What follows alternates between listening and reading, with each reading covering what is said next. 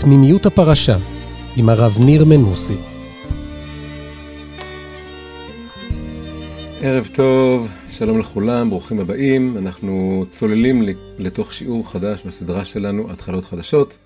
כל שבוע אנחנו פותחים את הפרשה, תרתי משמע, מתבוננים בפתיחה שלה, בעלייה הראשונה, בפסוקים הראשונים, הקטע הראשון, וגם אנחנו רוצים לפתוח אותה, שהדברים ייפתחו לפני מוחנו, לפני ליבנו, וייכנסו ויחדרו ויפעלו.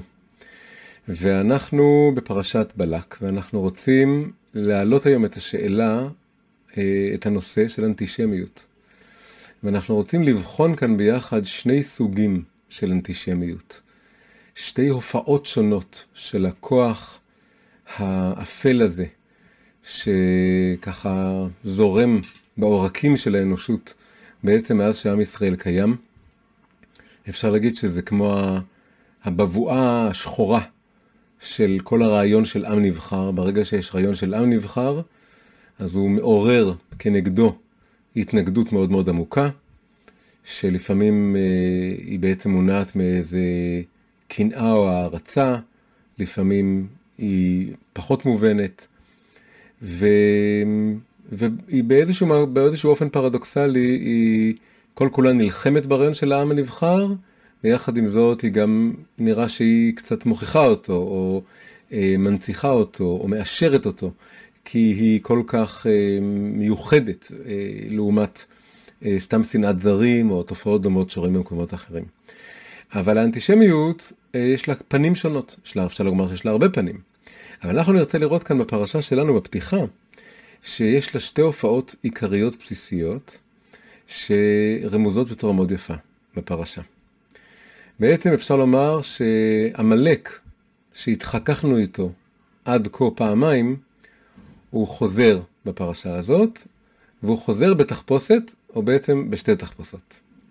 התחככנו איתו כשיצאנו ממצרים, והתחככנו איתו עוד פעם כשהגענו לכניסה לארץ ישראל, אחרי חטא המרגלים היה את חטא המעפילים, שהסתער בצורה כבר שלא התאימה, וניסה לעלות לארץ ישראל, והעמלקים הכו בהם.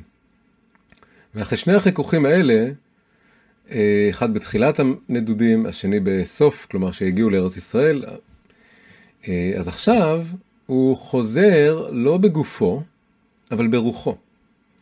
הוא מוזכר מפורשות בנאום הרביעי והאחרון של בלעם. מה הסיפור בפרשה? בלק מלך מואב, בעקבות המלחמה שלנו בניצחון על מלכי האמורי בסוף הפרשה הקודמת, ניצחנו את המלכים סיחון ואוג, מלכי האמורי. בלק המלך מאוד מאוד מפחד שאנחנו הולכים גם לתקוף אותו, למרות שהוא כמובן טועה. כל המלחמה עם סיחון ואוג הייתה כי הם לא נתנו לנו לעבור בארץ שלהם, ובעצם יצאו לקראתנו למלחמה, אז נאלצנו להילחם בהם ולנצח אותם. אבל הוא אה, באיזה מערכת של אה, הסתה או פחד, אה, פוחד שאנחנו אה, הולכים לתקוף אותו, אז הוא לא יודע מה לעשות, הוא יודע שאנחנו עם שיש לנו כוח עליון שמלווה אותנו, אז הוא מחליט לזכור את שירותיו של מישהו שגם הוא משתמש בכוחות על-טבעיים, וזה בלעם הקוסם או המכשף. והוא אה, שוכר את שירותיו. ואז בלעם, כידוע, הולך ומנסה לקלל שלוש פעמים, יש שלוש נקודות מבט שונות, זוויות שונות, כל פעם אחת, פעם אחר פעם, אה, יוצאת לו ברכה במקום קללה. ובסוף, אחרי שלוש ניסיונות האלה, שלושת הניסיונות האלה, הוא בעצם אה, כבר כאילו קצת מוותר, ונושא איזה נאום משל עצמו, עם עוד ברכות מאוד יפות וחזקות. ואחד הדברים שהוא אומר שם, זה הוא מדבר על עמלק פתאום. פתאום מזכיר את עמלק, לא ברור למה. והוא אומר, אומר את הפסוק המפורסם, ראשית גויים עמלק, ואחריתו עדי עובד. אז זו האזכרה המפורשת של עמלק בפרשה. מה שאני רוצה להגיד זה שעמלק, שהוא כמובן סמל האנטישמיות, סמל השנאת ישראל, הפשט של ראשית גויים, זה שהוא היה הראשון לתקוף אותנו מיד שיצאנו ממצרים, בצורה אה, אה, ככה לא, לא הגיונית, אחרי שגם ראו מה קרה במצרים. אה, עמלק בעצם רמוז כבר בשתי הדמויות, בלק ובלעם בעצמם. והוא רמוז בהם קודם כל בשמות שלהם. אם לוקחים את שתי האותיות האחרונות של השמות בלק ובלעם, אז יש לנו את העם של בלעם ואת הלק של בלק, וביחד זה יוצא עמלק. אז נראה שעמלק באיזשהו אופן פיצל את עצמו לחצי הראשון והשני של השם שלו, ואת החצי הראשון, העם, הוא נתן אותו לבלעם, ואת החצי השני שלו, לק, לק, הוא נתן לבלק. וכל אחד מהם ירש או תפס אחד משני הצדדים שלו, ואכן הם פתאום חוברים, קושרים ביחד קשר כדי לנסות לפגוע בנו, לקלל אותנו. ו... וכמובן זה לא רק זה, הם, כל העניין שלהם זה שנאת ישראל, ויש גם אה, פירוש רש"י מפורסם, שתכף נעמיק בו, שהוא אומר שבלעם היה יותר שונא את עם ישראל מאשר אה, בלק. כלומר, הוא מצב את שניהם בתור שונאי ישראל, ועכשיו השאלה היא רק מי יותר שונא את השני, מי, סליחה, מי יותר שונא אותנו מהשני, והוא מגיע למסקנה שזה בלעם. אבל מה שבטוח זה ששניהם שונאי ישראל, אז זה מאוד מאוד חזק יש פה, קודם כל בשמות שלהם, בלעם בלק, האותיות האחרונות יוצרות את המילה עמלק ממש בצורה יפה של חצי חצי, ודבר שני בעצם זה שהם פועלים בתור שונאי ישראל.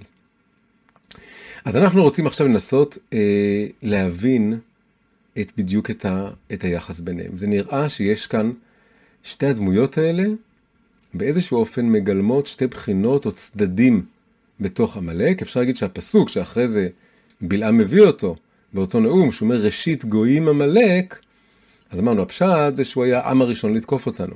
מעבר לזה מסבירים שעמלק הוא בעצמו בעצם מין ראשית גויים, כלומר נקודת ראשית של מה שאפשר לכנות אותו הגויות, כלומר איזה משהו באומות העולם כנבדלות מעם ישראל, שיש בו התנגדות מובנית עמוקה לכל הרעיון הזה של עם ישראל, לכל הרעיון של היהדות ושל עם נבחר. במובן הזה הוא הראשית, הוא נקודת הראשית של כל העמים, כל הגויים, באשר הם מתנגדים לנו. אפשר גם להגיד משהו יותר אה, מתון מזה, וזה להגיד שהוא באמת, הוא הראשית, הוא השורש של שני גויים, או שתי קבוצות, כי מיעוט רבים שניים, אם כתוב גויים אז זה בטוח זה אפשר להצביע על שניים, שהוא, כשבלעם אומר את זה, הוא בעצם מגלה מה, מה קרה כאן.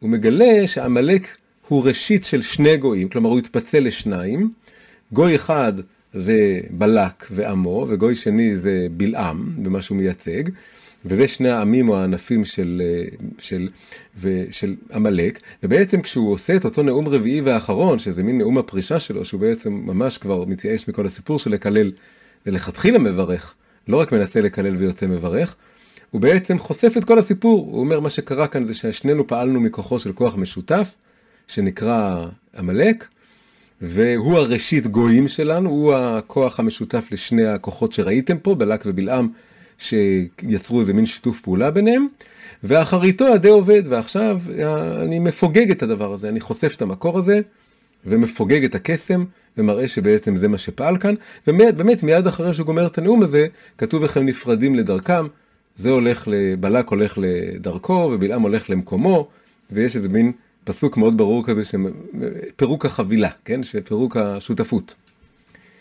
אז אנחנו רוצים לנסות להבין את ההבדלים ביניהם. כי אם נצליח להבין את ההבדלים בין בלק ובלעם, זה אולי ייתן לנו איזשהו קצה חוט לאפיין איך הדבר הזה, הכוח הקמאי הזה, שנקרא שנאת ישראל, או שהיום קוראים לו אנטישמיות, באמת ראוי לציין כאן שאנטישמיות זו מילה קצת מכובסת לדבר שבאופן מסורתי אנחנו קוראים לו שנאת ישראל. כן, מי המציא את המילה אנטישמיות? התשובה היא אנטישמים בעצמם. למה הם המציאו את זה? הם המציאו את זה כי זה דרך אה, יותר אה, אה, עם חזות אה, לגיטימית אה, להציג את הדבר שלהם. כאילו זה לא מונע משנאה, זה רק אנטי, כמו שיש איזה אחד שהוא... אה, מאמין באיזושהי תפיסת עולם, אחד שהוא סוציאליסט, אחד שהוא אנטי סוציאליסט, הוא רק לא מסכים עם זה, זה הכל. וזה לא שזה דווקא ישראל, זה השמים בכלל, שזה משפחה של עמים, וכמובן זה, זה, זה בא לטשטש, זה לא סתם אנטי, וזה לא השמים, זה דווקא ישראל, בעיקר, בראש ובראשונה ישראל. ו, וזה לא רק אנטי, זה, זה שנאה מאוד מאוד עמוקה, עם שורשים מאוד עמוקים. אף על פי כן, מכיוון שזו המילה שתפסה, אנחנו נשתמש בה כאן. אבל בעצם צריך לזכור שבעומק אנחנו מדברים על מה שקוראים לו שנאת ישראל. ואם אנחנו נצליח לאפיין את בלק ובלעם, אנחנו נוכל ל, אה, לאפיין אולי או לזהות מה עם שני הסוגים, סליחה. מה עם שני הסוגים של, ה... אה, של האנטישמיות הזאת? הפתיחה של הפרשה, הראשון, ממש מזמנת לנו את ההזדמנות המושלמת לעשות את הדבר הזה. למה? בגלל שיש שם אה, ממש השוואה שמאפשרת לנו לעמוד על האופי של שני הטיפוסים. יש אה, ביטוי כזה, אלוקים נמצא בפרטים הקטנים, לנוצרים יש פתגם, פתגם הפוך, שאומר שהשטן נמצא בפרטים הקטנים, the devil is in the details. וזה מה שרואים פה בדיוק, זה, זה devil, זה שטן כזה, זה שני אנטישמים. ומה שרואים זה שיש שני נוסחים למה שבלק מבקש מבלעם. יש את מה שבלק שולח לבלעם, כלומר שולח לו שליחים והוא מבקש בוא תקלל את העם הזה, עם ישראל, אני פוחד מהם. ואז בלעם אומר להם, תראו, אני לא מקבל כאלה החלטות לבד, אני צריך לשאול את הקדוש ברוך הוא אם הוא מסכים. תשנו פה, ואני אברר, כי הוא רק מתגלה לי בחלומות הלילה. ואז כשבלעם חוזר על בקשת בלק אליו מול הקדוש ברוך הוא, הוא בעצם חוזר על, ב, על, על אותה בקשה בלשון מאוד דומה, אבל לא זהה. יש כמה וכמה שינויים. יש כמה מילים שהוא משנה, יש כמה ביטויים שהוא מחסיר לגמרי, והוא מביא את ה... אה, וממש אפשר לעשות השוואה. לראות מה קורה כאן, מה קורה כאן. לא ניכנס לכל הפרטים, אבל כן לחלק מהם.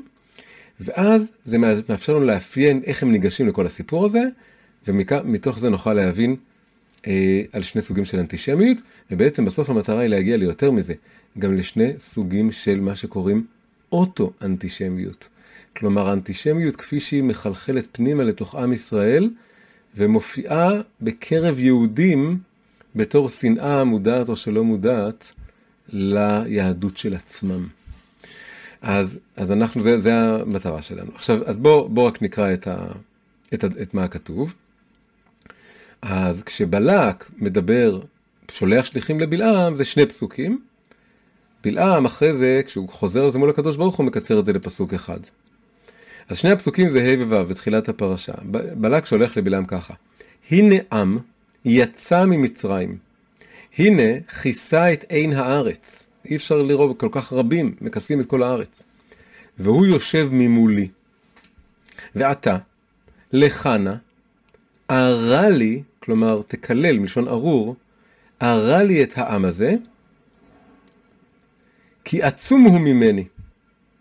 אולי אוכל נקה בו, ואגרשנו מן הארץ. עד כאן דברי בלק לבלעם שהוא שולח לו. בלעם אומר בואו תשנו אני רוצה לדבר על זה עם השם ומספר לקדוש ברוך הוא את הבקשה אבל כמו שאמרנו משנה את הלשון. הוא אומר ככה הנה העם היוצא ממצרים לא יצא בלשון עבר יוצא בלשון הווה. ויחס את עין הארץ עוד פעם במקום כיסה את עין הארץ ויחס ומשום מה הופך את כל הסיפור פה ללשון הווה. אתה לך קבע לי אותו הוא מדלג על יושב ממולי, הוא לא אומר את זה, ובמקום להגיד לך נערה לי, שזה היה הלשון, לשון ארור, שזה הלשון שהשתמש בבלק, הוא אומר לך קבע לי אותו. קבע זה גם לשון אחרת של קללה. לקוב. כמו לנקוב, כמו לעשות נקב.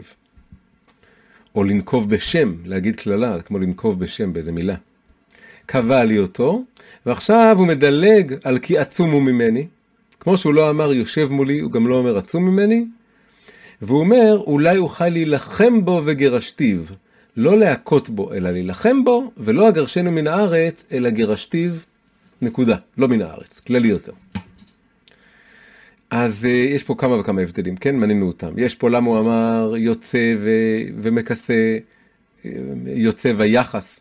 לעומת יצא וכיסה, ולמה הוא משמיט את יושב ממולי ועצום ממני, ולמה הוא אומר קבע במקום ערה, ולמה הוא אומר להילחם בו במקום להכות בו, ולמה הוא אומר גירשתיו ולא אגרשנו מן הארץ, כן?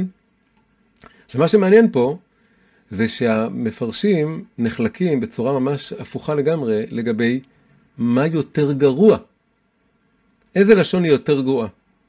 רש"י, וזה ציטטנו מקודם, שהוא אמר בלעם היה שונאם יותר מבלק, כן? הוא אומר שבלעם יותר שנא, הוא, מפ... הוא רק מתמקד בשניים ההבדלים, אבל הוא מוכיח באמצעותם ש... אה, שבלעם חושף כאן בשינוי הלשון שלו, שהוא הרבה יותר שונא את עם ישראל, הוא אנטישמי הרבה יותר גרוע. הוא אומר, קבע לי זו קשה מערה לי, הלשון הזאת קבע, היא יותר גרועה מערה לי, כי הוא נוקב ומפרש, היא הרבה יותר מפורשת. ערה זה משהו כללי, וקבע זה הרבה יותר מפורש. נוקב ומפרש, נוקב בכל המילים, אומר הרבה יותר ברור את הקללות שהוא רוצה להגיד, לא רק משהו כללי כזה. הוא אומר, וגירשתיו, בניגוד לאגרשנו מן הארץ, הוא אומר, בלק רק רצה לגרש אותם מהארץ הזאת, שלא יהיו לו פה בארץ הזאת. שילכו מצדו לארץ אחרת, מה אכפת לו? העיקר שלא ישתלטו לו על, על, על מה שיש כאן מולו. אז, אבל כשבלעם אומר וגירשתיו, הכוונה היא מן העולם. בכלל, כלומר השמדה, להשמיד את עם ישראל. ככה בלעם הופך את זה מול הקדוש ברוך הוא. אז זה שני הדברים שרש"י אומר. אבל מול רש"י עומדים שני פרשנים אחרים, אור החיים הקדוש והכלי יקר. אור החיים הקדוש והכלי יקר אומרים לא לא לא. בלעם הוא לא טיפש, הוא יודע שהקדוש ברוך הוא אוהב את עם ישראל, הוא יודע שאם הוא יציג את הדברים כמו שאמר אותם בלק, הם נשמעים מאוד מאוד גרוע איך שבלק אמר. אז הוא צריך הפוך, כדי שזה יפעל, הוא צריך לייפות את זה, צריך לרכך את זה. הוא צריך להגיד לקדוש ברוך הוא, אנחנו לא שונאים, זה לא בדיוק רוצים לקלל, הכל אנחנו הופכים לרכך. הם מפרשים את כל המילים אחרת לגמרי. הם אומרים ש... כן, לא, אני כרגע מחבר את שניהם. כשמחברים את שני הפירושים שלהם ביחד, אז זה ככה מכסה את זה, אבל שניהם מה שמשותף להם זה הנקודה הזאת. אז הם אומרים, קבע זה פחות גרוע מערה, לא יותר גרוע. כי לנקוב זה לעשות נקב קטן, וארור זה ממש לקלל. וגם מלחמה זה פחות קשה מהכאה, הוא ביקש, אה, כן, אה, בלעם אמר שהוא רוצה אה, להכות אותם, להכות זה חזק, מלחמה זה יותר כללי כזה, לא ברור, רק להילחם בשביל לגרש, לא לתת להם מכה בהכרח כזה גדולה. כן, רש"י לא נכנס לזה, אבל הם, הם כן אומרים את זה. והם אומרים שלגרשתיו כללי, זה לא יותר מלגרש מהארץ, כאילו לגרש מהעולם, כמו שרש"י אמר, להשמיד מהעולם. זה רק אה, אפילו פחות, יותר קטן מהארץ, זה רק מהאזור הזה, כן, משהו כזה. והסיבה לכל הדבר הזה זה שבלעם לא רוצה, וכדי שכל הסיפור יעבוד טוב, שהוא יקבל כאילו רשות מהקדוש ברוך הוא, אז הוא דווקא מטשטש את השנאה כאן. אגב, לא אומר שהוא בהכרח, שזה, שזה לגמרי הפוך מרש"י, רש"י אומר שהוא יותר שונא. לפי אור החיים והכלי יקר, עדיין יכול להיות שהוא יותר שונא. רק שהם מתווכחים על הלשון. זאת אומרת, אפשר בסופו של דבר, הוויכוח על השפה, אם קבע או הרע, מה יותר גרוע, הוא נשאר, יש פה שני פירושים הפוכים. אבל אם לוקחים את עצם העיקרון, עצם הנקודה של מה שאומרים הכלי יקר ואור החיים הקדוש, שהסיפור כאן הוא איך הוא מציג את הדברים, זה לא במהות שלו סותר את רש"י. עדיין יכול להיות שרש"י צודק, שבלעם יותר שונא, רק שהוא הרבה יותר מתוחכם באיך שהוא מציג את הדברים. הוא יותר שונא, אבל דווקא כשהוא אומר את הדברים, הוא יודע יותר להציג את זה יותר יפה. כן? זה מאוד חשוב למה שאנחנו נרצה פה לעשות בהמשך. יש לנו פה שני אנטישמים, שניהם רוצים לגרש את עם ישראל, זה בטוח, המילה הזאת לגרש חוזרת בשניהם. אה, שניהם אה, מזכירים את העניין של מצרים, שהם יצאו ממצרים, למרות שזה 40 שנה אחורה. ובהבדלים בנוסח הזה, שזה זה הכל כלול בתוך הראשון, כן? בתוך העלייה הראשונה. רואים פה כל מיני הבדלים ורואים שבאמת צף משם אצל הפרשנים השאלה היא מי שונא יותר או לפחות איזה ניסוח כאן יותר מביע שנאה מהניסוח השני, כן? אז ברור לנו שזה הנושא שעולה כאן. יש פה שנאת ישראל ויש פה את השאלה איך היא מופיעה ואיך היא מתלבשת.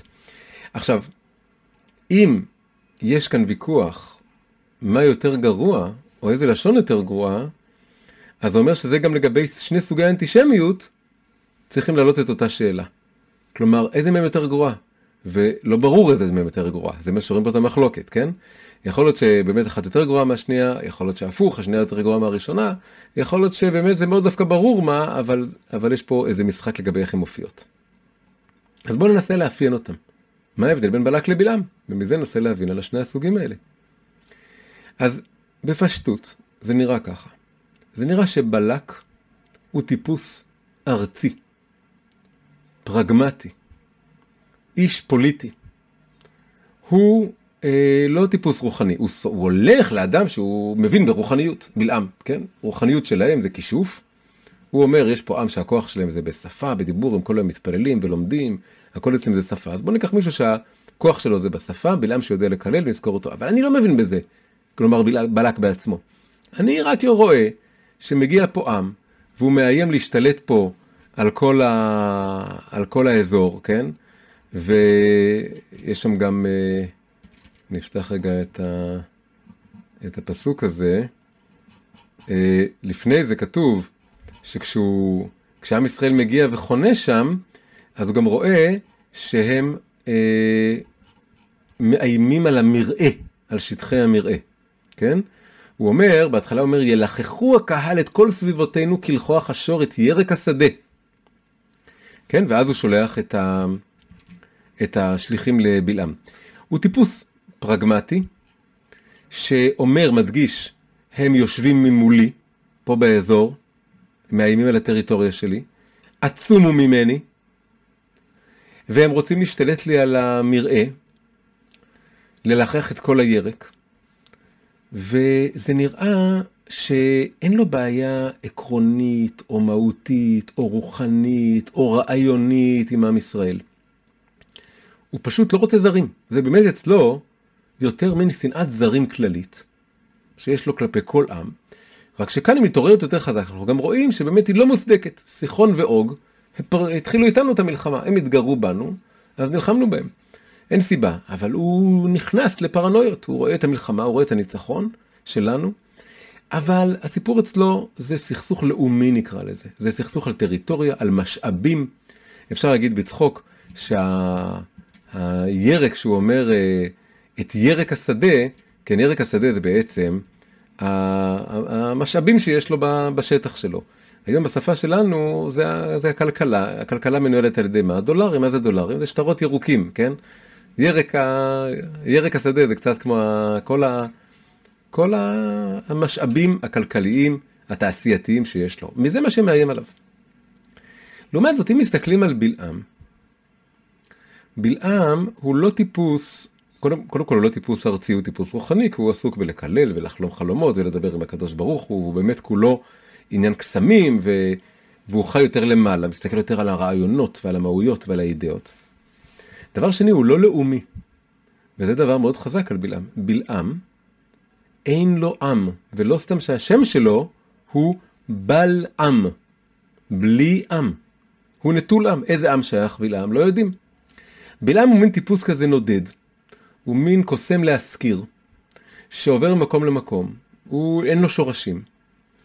את המילה עם, אמרנו שהוא לוקח את זה מעמלק. באמת גם את עמלק דורשים שהוא עם מולק.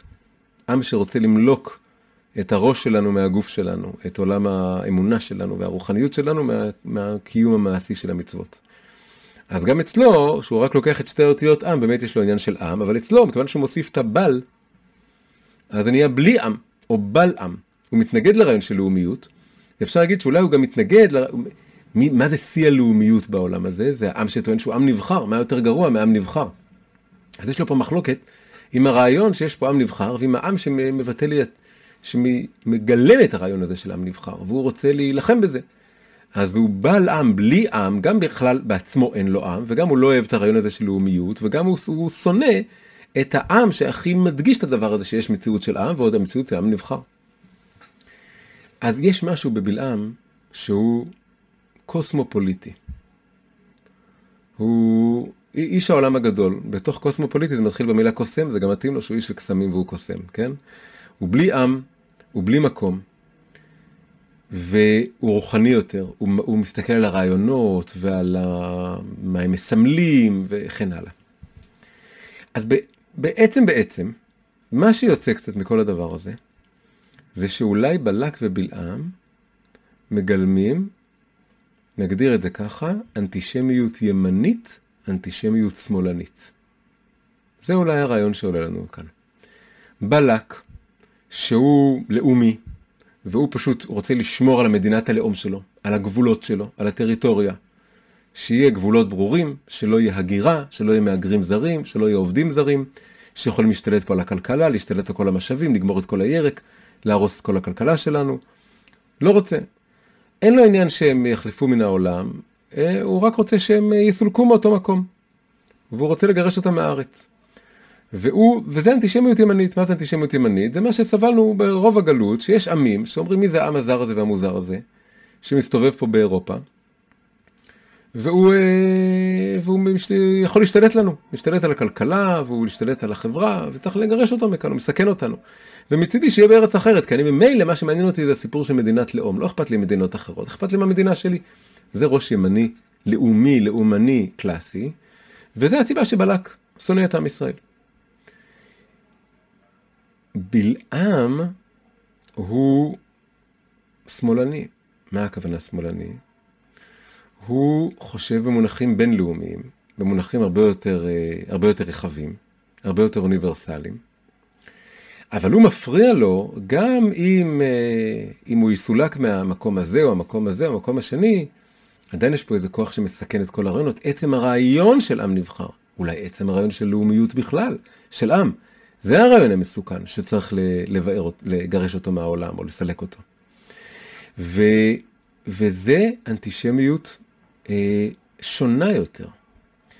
היא קיימת אה, אה, היום מאוד חזק, איפה רואים את זה, כן?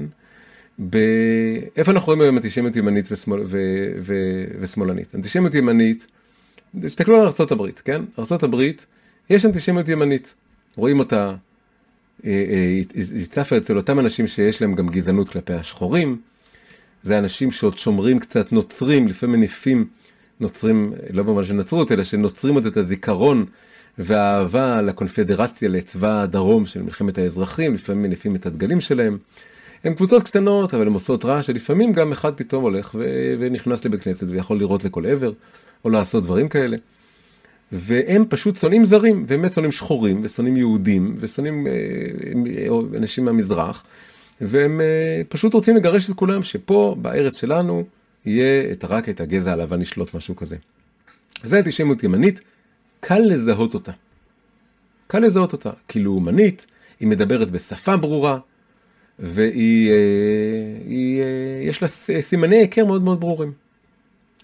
אנטישמיות שמאלנית, בלעמית, אוניברסלית, היא הרבה יותר עדינה, היא באה מהשמאל. השמאל בחיים לא ידבר בשפה של אה, השמדת עם או רצח עם, או שיש בכלל עם שבמהותו הוא גרוע, כי הכל פה יותר מתוחכם. אני מזכיר שבלעם, לפי רש"י הוא יותר שונא את עם ישראל, ולפי הכלי הקר ואור החיים הקדוש, הוא דווקא באיך שהוא מנסח את כל הדברים, הוא מטשטש את השנאה, הוא דווקא מייפה ומראה שזה לא שנאה, זה הכל יותר עדין, כדי שזה כאילו יעבור את המסך של הקדוש ברוך הוא, שהוא לא ישים לב שבעצם יש כאן שנאה נורא נורא גדולה.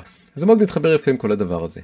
אנטישמיות שמאלנית, היא תבוא ותגיד, אין לי שום בעיה עם עם ישראל, אבל יש לי בעיה עם המדיניות שלהם, האופן שבו הם כובשים את העם הזה, או היומרה שלהם, או הדת שלהם, או הרעיונות האלה. זה לא כלפי היהודים, זה כלפי היהדות, או זה כלפי הרי... דברים מסוימים ביהדות. אבל בפועל רואים שזה כן אנטישמיות, בגלל שהיא מוטה בצורה בלתי רגילה, בגלל שהיא מציבה קריטריונים, שהיא לא מציבה כלפי עמים אחרים, בגלל שהיא אה, אה, דורשת דרישות שבעצם אי אפשר לעמוד בהם, שבעצם המסקנה המעשית שלהם זה שהמדינה למשל צריכה להפסיק להתקיים, כן? או צריכה להכניס את עצמה למדיניות שהיא אובדנית עבורה, וכל מיני דברים כאלה. אבל הכל מתבטא באיזושהי, אמ, באיזושהי שפה אה, הרבה יותר, אה, הרבה יותר מתוחכמת. אם חושבים על, ה, על, ה, על הנאצים, איפה זה בין הימין לשמאל, אז זה מאוד מעניין. הנאצים מצד אחד, אה, אנטישמיות ימנית, כן, כמובן, כן, כי הייתה מאוד לאומנית. ומצד שני, העובדה שאמרנו שהאנטישמיות הימנית הטיפוסית, היא דווקא לא רוצה לגרש מהעולם. היא רק רוצה לגרש מהארץ. הגרשנו מן הארץ. ו... ו... אבל הם רצו יותר מזה, הם רצו להשתלט על כל העולם ולמחוק את ה... לבאר את היהודים מכל העולם. אז צריך להגיד שבאמת, הנאצים לא נכנסים לקטגוריה פה של ימין ושמאל, כי הנאצים זה עמלק בעצמו. עמלק הוא הראשית גויים, הוא שני הסוגים של האנטישמיות אה, לפני שהם מתפצלים. אז מצד אחד זה מופיע כאנטישמיות ימנית יותר, לאומנית, עם כל הסמנים הלאומניים של הנאצים, ומצד שני זה שזה חותר להשמדה ולבאר מהעולם, ואצל היטלר זה גם היה כאילו מאבק רוחני, כן? הוא ראה את זה שיש פה איזה כוח אפל במציאות שרוצה להרוס את כל המציאות ול, ובעצם אה, לא מאפשר לכוחות הפגאנים הטבעיים של הלאומיות הטבעית להתקיים בעולם על ידי זה שהוא מוסיף את המצפון והמוסר והביא את הנצרות לעולם, כן? מה שהוא לקח מניטשה והקצין לכיוונים שלו, זה גם היה משהו מאוד סמלי רוחני אצלו, וגם משהו כמובן עם, שמונע בידי כוחות לאומניים. זה בגלל שהנאצים, האנטישמיות הנאצית, היא באמת לא נכנסת פה לקטגוריות האלה, היא עמלק עצמו.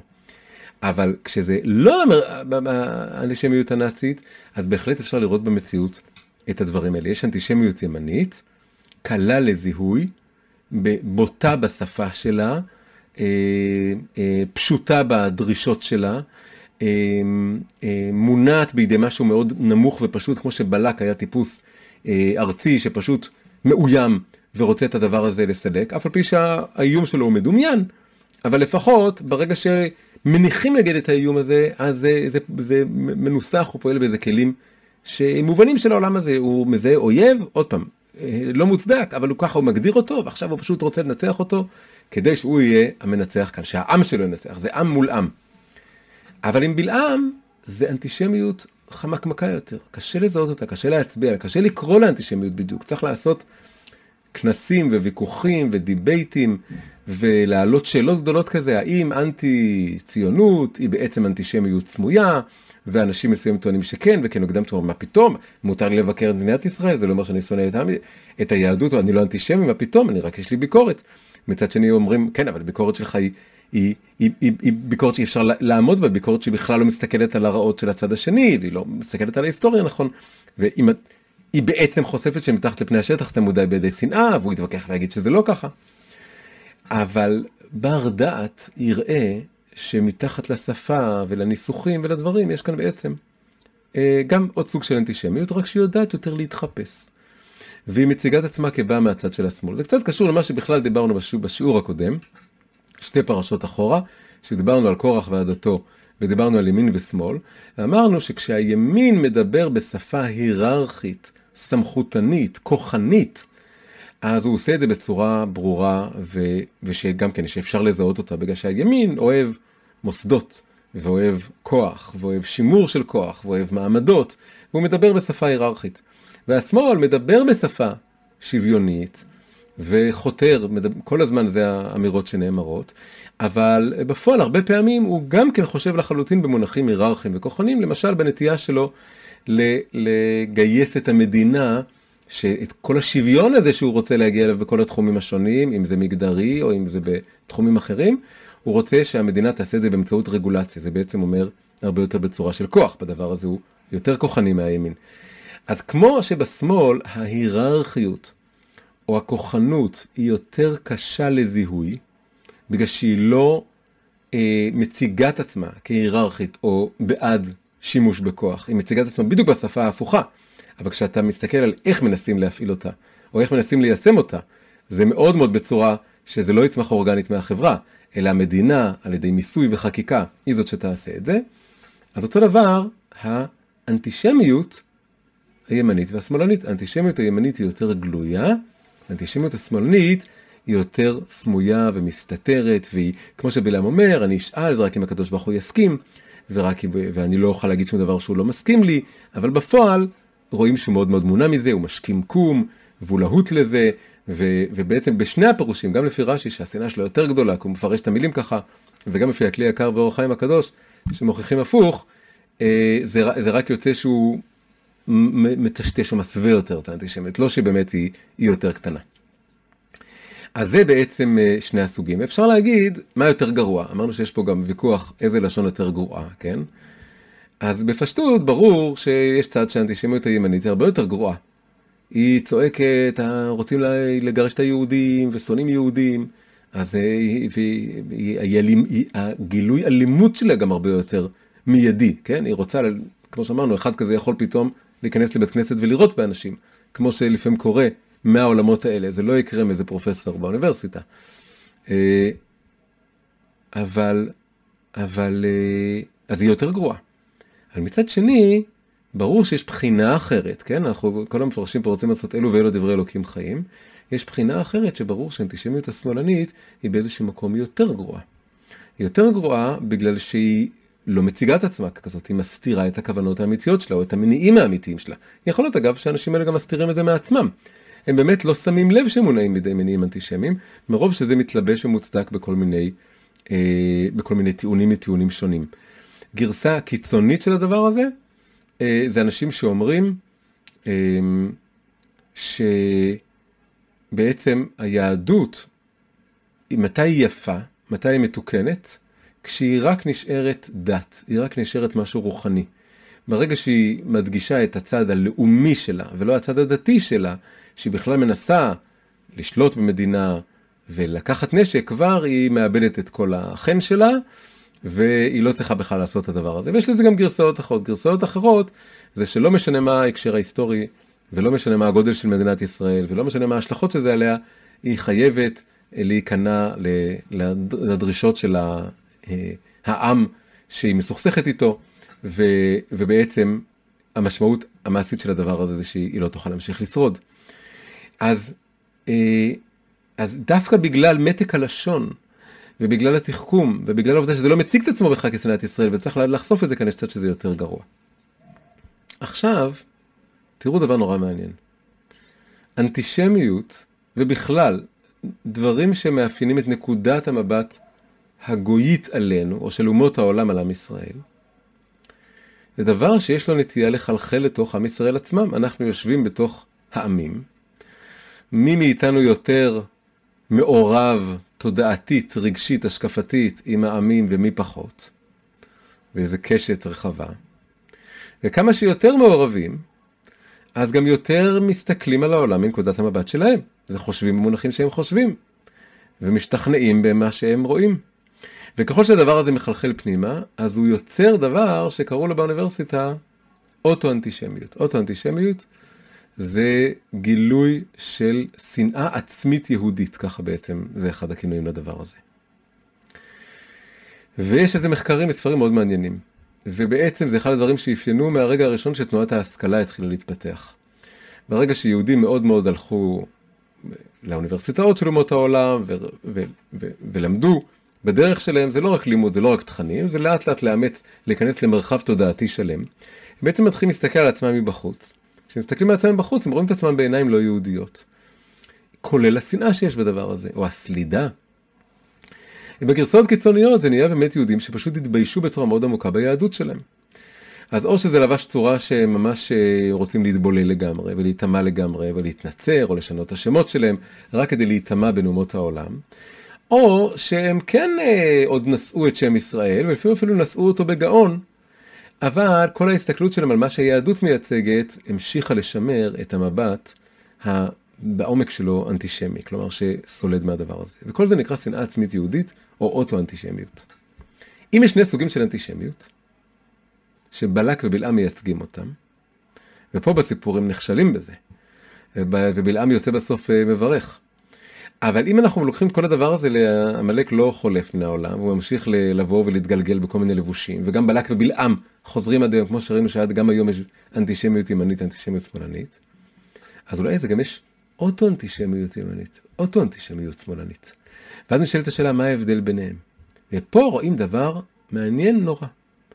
כשמדברים על אנטישמיות בעולם, האנטישמיות הימנית היא ברורה, גלויה, אפשר מיד לזהות אותה, לסמן אותה, ולהקים פורומים שלמים כאלה של יהודים שיוצאים להילחם באנטישמיות הימנית. והאנטישמיות השמאלנית היא יותר, היא יותר אה, מורכבת ויותר מתוחכמת. אבל כשזה מחלחל פנימה זה מתהפך. האנטישמיות, האוטו-אנטישמיות, השמאלנית, היא הרבה יותר מיד צורמת וניתנת לזיהוי, והאוטו-אנטישמיות הימנית היא כל כך דקה וחמקמקה שכמעט בכלל לא רואים אותה. מה זה האוטו-אנטישמיות השמאלנית? אוטו-אנטישמיות שמאלנית, עוד פעם, שהפעם היא נהיית הקלה לזיהוי. זה אותם יהודים, שהרבה מהם יושבים בתוך האקדמיה. והם בעצם חיים, הם חלק מהלאום, אבל הם בעצם, הם לא באמת חלק מהלאום. הם מה שעכשיו אה, גדי טאוב הוציא ספר על זה, קרא לזה ניידים ונייחים. הם ניידים. הם בעצם שייכים לאיזה אליטה אינטלקטואלית, שבעצם המדינה שלהם היא לא מדינת ישראל או כל מדינה בעולם, המדינה שלהם היא האקדמיה. האקדמיה, קחו את כל הקמפוסים בעולם, הם יוצרים איזה מין רשת, זה כמו איזה מדינה וירטואלית שהיא פרוסה על פני כל המדינות, והיא מדינה אקס טריטוריה מכל המדינות, כן? היא, היא מדינה אחרת, היא מדינה שהיא היא באה לידי ביטוי בכנסים ובביקורים ובהרצאות. היה אינטלקטואל יהודי מאוד בולט שקראו לו ג'ורג' שטיינר, ג'ורג' שטיינר בדיוק דיבר בשפה הזאת, אומר הארץ שלי זה האקדמיה, הלאום שלי זה השכל והמחשבה, הוא מאוד אהב להתעסק בתרגום, הספר הכי מפורסם שלו נקרא על מגדל בבל, כי הוא מאוד אהב להתעסק בתרגומים, והוא היה כזה מרחף מעל העמים ומעל הלאומים. אגב, מה שלא אמרתי, זה שאמרנו שבלעם ובלק, זה שתי האותיות האחרונות, זה עם ולק, זה עמלק. מה עם שאר האותיות? זה בדיוק יוצא בבל. יש משהו שכן, בלעם ובלק זה, אותיות בבל עמלק, וה... אז עמלק זה עמלק, אבל הם מגייסים פה את הכוחות של בבל, כלומר של השפה, אה, שהם רוצים להשתמש בה כדי, אה, כדי לקלל את עם ישראל, שאגב זה ממש דומה, כמו שבוני מגדל בבל לקחו את כוח השפה, שפה אחת ודברים אחדים, ורצו להילחם איתה בקדוש ברוך הוא, הקדוש ברוך הוא השיב להם דרך זה שהוא בלע להם את השפות, גם כאן בלק ובלעם לוקחים את כוח השפה, ורוצים להילחם בקדוש ברוך הוא, והוא הופך את הקללות לברכות, משנה, משנה להם את סדר האותיות, מחליף להם את סדר האותיות ומבטל את כל הדבר הזה, מאוד דומה. והפעם הסימטריה גם נשברת. אה, כי זה שלוש אותיות ולא ארבע, ולבלעם יש ארבע אותיות ולא שלוש, אז בלעם לוקח פה שתי אותיות מהבבל. כלומר, עיקר כוח הבבל זה אצלו, בל, שזה השער, השורש של בבל. ובלק כאן רק בא לחזק אותו, לתחזק אותו. אז בלעם כאן הוא כמו אותו אינטלקטואל, שבמקרה הזה של מי שאמרתי, ורב, ורבים אחרים שחיים היום, הוא גם יהודי. והוא בעצם מנוכר במובן מאוד עמוק ללאומיות העממית הנמוכה שהוא לא מזדהה איתה, בוודאי לכל הנרטיב היהודי של עם נבחר, זה סולד והוא סולד מזה. והוא נמצא באקדמיה, הוא גם לא יישא בהשלכות של המדיניות שהוא מנסה לקדם, שאם המדינה תוחרב פה, יש לו בית בכל הקמפוסים ברחבי העולם, הוא יכול איפה להתקבל, יש לו את האמצעים הכספיים לזה, יש לו את השפה בשביל זה, יש לו את כל מה שהוא צריך כדי אה, להסתדר בארצות אחרות. ולכן הוא uh, תוקף בצורה מאוד ברורה את מדינת ישראל, את הרעיון היהודי, את הרעיון של עם נבחר, וזה מאוד מאוד ברור וגלוי וניתן לזיהוי, וזוהי האוטו-אנטישמיות השמאלנית. ואותם מזהים, וזו הסיבה שהימנים כועסים, והרבה פעמים שונאים חזרה, שזה לא דבר טוב, אבל זה קיים, את, ה... את השמאל, ואומרים השמאל הוא בוגד, והשמאל אה, לא מאפשר, אה, כן, עושה דה-לגיטימציה למדינת ישראל, ודה-לגיטימציה לקיום היהודי, והוא מביא לנו מדיניות שמסכנת אותנו. כי קל לזהות את זה. קל לזהות את זה. זה, זה, זה בגלל הדיבור, כשאנחנו מדברים מקודם, דיברנו בחוץ על אומות העולם, כן? אז אמרנו אחד שהוא עם מול עם, זה קל לזהות, ואחד שמדבר בשם בינלאומיות, זה קשה. אבל ברגע שאנחנו בתוך ההקשר של העם היהודי, אחד שמדבר על אוניברסליות כזאת מופשטת כל הזמן, שאת כל העמים צריכים להיות שווים, וצריך לראות את העם השני, ורק לבוא לקראת העם השני, אפילו אם זה אומר לסכן את עצמי, אז זה נהיה נורא נורא צורם, כי אנחנו מצפים ממנו שיהיה לו איזושהי סולידריות ופטריוטיות עם העם שלו והמדינה שלו, והוא, והוא לא עושה את זה, אז לכן קל לזהות את זה. אבל מה עם האוטו-אנטישמיות הימנית? מה היא בכלל? מה, מאיפה הדבר הזה מופיע? מה זה הדבר הזה? האם יש כזה דבר? אוטו-אנטישמיות, שנאה עצמית יהודית ימנית? אז התשובה היא שיש, היא קיימת, אבל היא באמת היא הרבה יותר דקה ועדינה. כי מה זה הימניות בתוך ההקשר הלאומי היהודי? הימניות היא להיות גאה ביהדות שלך, ולשאת את הדגל, ולהגיד שם ישראל בגאון, ולהגיד שזה ה... זה המדינה שלנו, וזה העם שלנו, וזה הבית שלנו, ואנחנו מוכנים להילחם על זה, ואנחנו לא אוניברסליים, אנחנו לאומיים. אבל היחס אל היהדות, לא כלאום, אלא כמורשת, וכערכים, וכהמשך רציף עם התורה, וההמשכיות של התורה, והמצוות של התורה, וכל הפן הזה של היהדות, עשוי בהחלט להיות באזורים של הימין, להיות קשה מאוד, ולהיות יותר גרועה. כלומר, היחס לכל הדברים האלה היא יחס מאוד מאוד שלילי.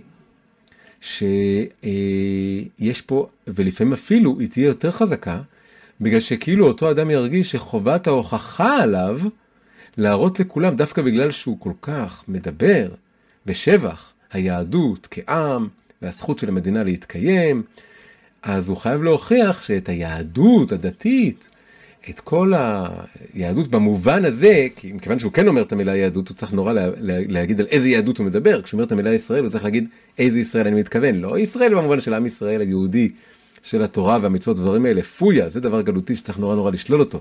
אני מדבר על ישראל בתור לאום שצריך לעמוד בכוח עצמו, ובזכות עצמו ולהילחם וכן הלאה וכן הלאה. זה סוג, עוד פעם, אבל הפעם הוא החמקמק, והוא המתחפש, והוא זה שצריך יותר קשה לזהות אותו. אה, הוא, זה האוטו-אנטישמיות והשנאה העצמית היהודית הימנית. היא דווקא בתוך הלאומיות, ובחסות הלאומיות, ובשם הלאומיות, היא תרצה בעצם לקחת ולקעקע מהיהדות את כל מה שמאפיין אותה, כל מה שמייחד אותה, כל מה שהופך אותה להיות, אה, להיות מה שהיא. ובעצם גם אה, את הקדוש ברוך הוא היא רוצה להוציא מהתמונה. את הרעיון של עם נבחר היא רוצה להוציא בשם לאומיות, היא רוצה לחלן לגמרי את כל הרעיון של, של מה זה בכלל היהדות. והחילון הזה, דווקא בגלל הימניות שלו, יש בו משהו יותר, אה, יותר גרוע ומסוכן. אז, אז אה, לסיכום, מה בעצם היה לנו כאן, כן? ראינו שעמלק מתפצל כאן, שהשם שלו עצמו מתפצל לשניים, בלעם לוקח את החצי הראשון, הוא דווקא הראשית, ראשית גויים. הראש, שתי האותיות הראשונות של, של עמלק, והוא מבטא אנטישמיות שמאלנית, שהיא בלי עם, והיא באה ממקום של להקסים במילים ובדיבור, בכלל המילה קוסם ביהדות, בתנ"ך, זה תמיד קשור במילים, זה דווקא להגיד לחשים. אז היא מקסימה ומבלבלת בשפה שלה, והצד השני של עמלק, האותיות האחרונות הפכו להיות אצל בלק, הוא באמת כאן דווקא הסוף של השם עמלק. Uh, הצד שיותר uh, מולק או מנתק, לא כל כך רוצה להתעסק בעם, לא עם. הוא בעצמו, יש לו כן את הזהות הלאומית שלו, הוא מלך מואב, אנחנו יודעים בדיוק מהעם שלו, והוא פשוט רוצה לגרש אותם מהאזור שלו, הוא לא רוצה שהם uh, יפריעו. אגב, עוד דבר שבאמת לא אמרתי, דיברתי בהתחלה על כל ההבדלים בין הנוסחים שלהם, עוד דבר מאוד חזק שיש כאן, זה שכש... בלק מדבר, הוא אומר שעם ישראל יצא בעבר ממצרים וכיסה את עין הארץ ועכשיו הוא עומד מולי והוא עצום ממני. זה הכל הסתכלות מאוד ארצית פרקטית. הוא יצא בעבר ממצרים ועכשיו אין לו מקום, הוא מחפש להשתלט על איזה ארץ, הוא בטח רוצה להשתלט על הארץ שלי. וזה בלשון עבר, כי זה היסטוריה של מה, מה, איך הדברים הובילו עד לכאן, זה לא רלוונטי לכרגע. ועכשיו הוא עומד מולי והוא עצום ממני מספרית, אני חייב עזרה, אני לא, אין לי יכולת צבאית להילחם בהם. אבל בלעם אומר שהוא יוצא ממצרים, שהוא יוצא בכל רגע ממצרים. והוא מכסה עכשיו את עין הארץ, הוא כאילו רואה את זה כאיזה מין מהות נצחית, 40 שנה עברו, אבל הוא עדיין יוצא ממצרים.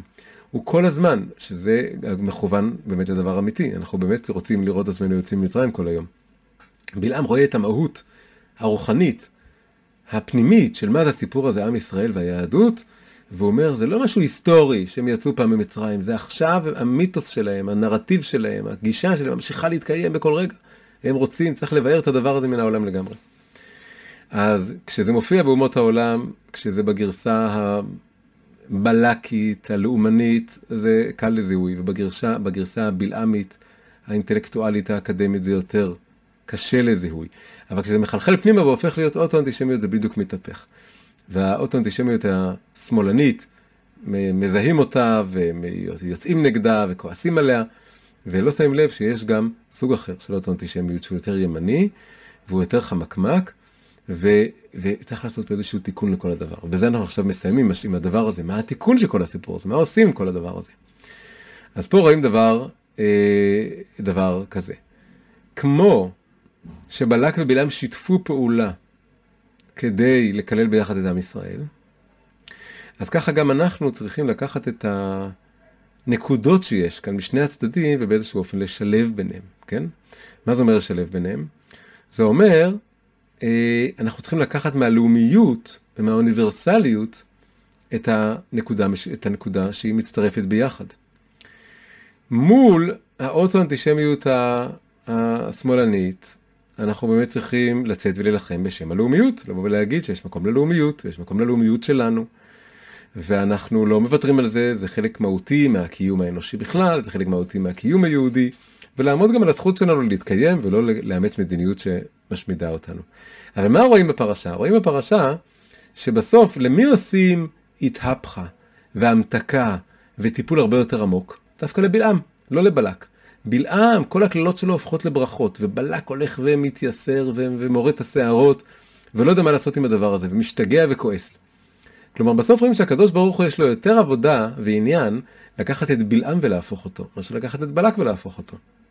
אני קודם כל מאמץ את הנקודה הלאומית והיהודית, ואז את מי אני מרגיז? אני מרגיז את השמאלני. השמאלני אומר, אוף, למה, הוא, למה הם כאלה לאומניים, היהודים האלה והדתיים האלה? למה הם כל כך מתעקשים על הדבר הזה? אבל בסוף בסוף, כמו שרואים גם בפרשה, המטרה היא בסוף לעצבן את, אה, את אה, בלק יותר, את הימני יותר. ו, ושהוא ימרד את השערות ויתרגז, וזה על ידי זה שאני מברר וממתיק ומתקן את האנטישמיות השמאלנית, וגם האוטו-אנטישמיות השמאלנית, את המקום האוניברסלי, על ידי זה שאני בעצם, אני אומר, נכון שדיברתי על הלאומיות, ונכון שדיברתי על המדינת לאום, והזכות שלנו להתקיים כמדינת לאום.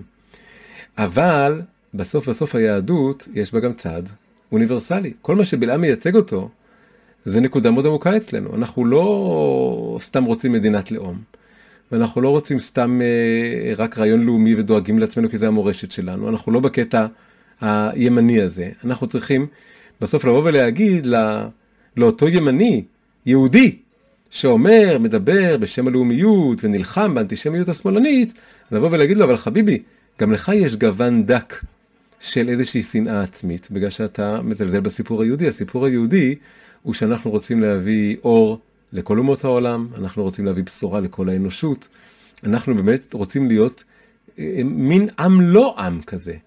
אה, לא בל עם או בלי עם, אבל עם שהוא שונה, עם שהוא ממלכת כהנים לברך את כל העולם, עם שאכפת לו מאומות העולם, שבאמת רוצה גם שיהיה דברים שהשמאל מדבר עליהם, דברים כמו שוויון ודברים כמו אה, אה, אכפתיות לזרים ואחרים ורחוקים וחלשים.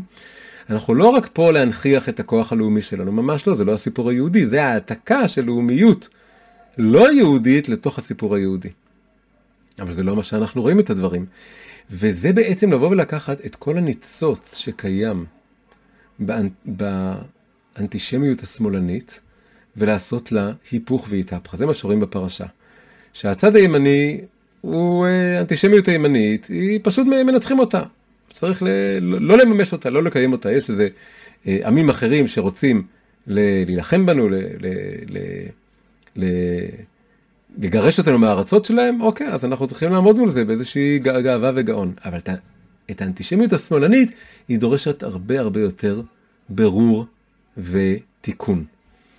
אז זה בעצם הנקודה האחרונה לכל השיעור הזה, שדווקא המרחב של השמאל דורש בסוף ברור יותר עמוק והעלאה של כל הדבר הזה, כי באמת באמת יש שם איזה נקודה אמיתית. בלעם בכל השפה האוניברסלית שלו, עם כמה שהצגנו את זה כל הזמן כאנטישמיות יותר גרועה, כי היא יותר מחופשת. ויותר אה, חמקמקה ומסתירה את עצמה בכל מיני שפות, יש איזו נקודה מאוד עמוקה שם שאנחנו צריכים, באמת צריכים לאמץ אותה ולקחת אותה. אז, אה, אז עם ההתבוננות הזאת והבשורה הזאת והרעיון הזה אנחנו מסיימים, שנזכה אה, להמשיך לאזן בין הימין והשמאל, כמו שהם קיימים בעולם, כמו שהם קיימים בתוך היהדות, לקחת את נקודת האמת מהימין ואת נקודת האמת גם מהשמאל, ולהעלות אותה, שבסוף היא עולה יותר גבוה. כמו שראינו עם קורח, שבסוף יש לו העלייה באחרית הימים, אז אותו דבר גם כאן, דווקא לאנטישמיות השמאלנית, בעצם צריך לראות אותה כ... בנו, נוקפת, כמו איזה נקיפת מצפון, אה, ובאה ואומרת לנו, אתם לא רק בסיפור הזה של עם מול עם, של להיות לאום מול הלאומים האחרים, ולהראות את הצדקה שלכם מול הלאומים האחרים ולבנות את המדינת לאום שלכם. זה לא הנרטיב שלכם, הנרטיב הזה שרק הולך על משהו לאומי, שיהיה לנו מדינה ככל המדינות ונהיה עם ככל העמים, לא הסיפור שלכם. יש לכם סיפור, הסיפור, לכן זה דווקא בלעם, האיש הרוחני שכאילו מציג לנו את זה כמראה מול הפנים. אתם יש לכם אה, אה, ייעוד להתעלות מעל הלאומיות ולהביא לעולם איזשהו חזון גם אוניברסלי, וזה הסיפור היהודי האמיתי. הוא רוצה להנכיח את בורא כל העולם כאן. ו, וזה אומר שבעומק בעומק, מתחת לכל הקליפות, יש משהו באנטישמיות השמאלנית דווקא, שהוא מזכיר לנו משהו עמוק לגבי מי אנחנו, הוא מהווה איזה מראה עמוקה של מי אנחנו.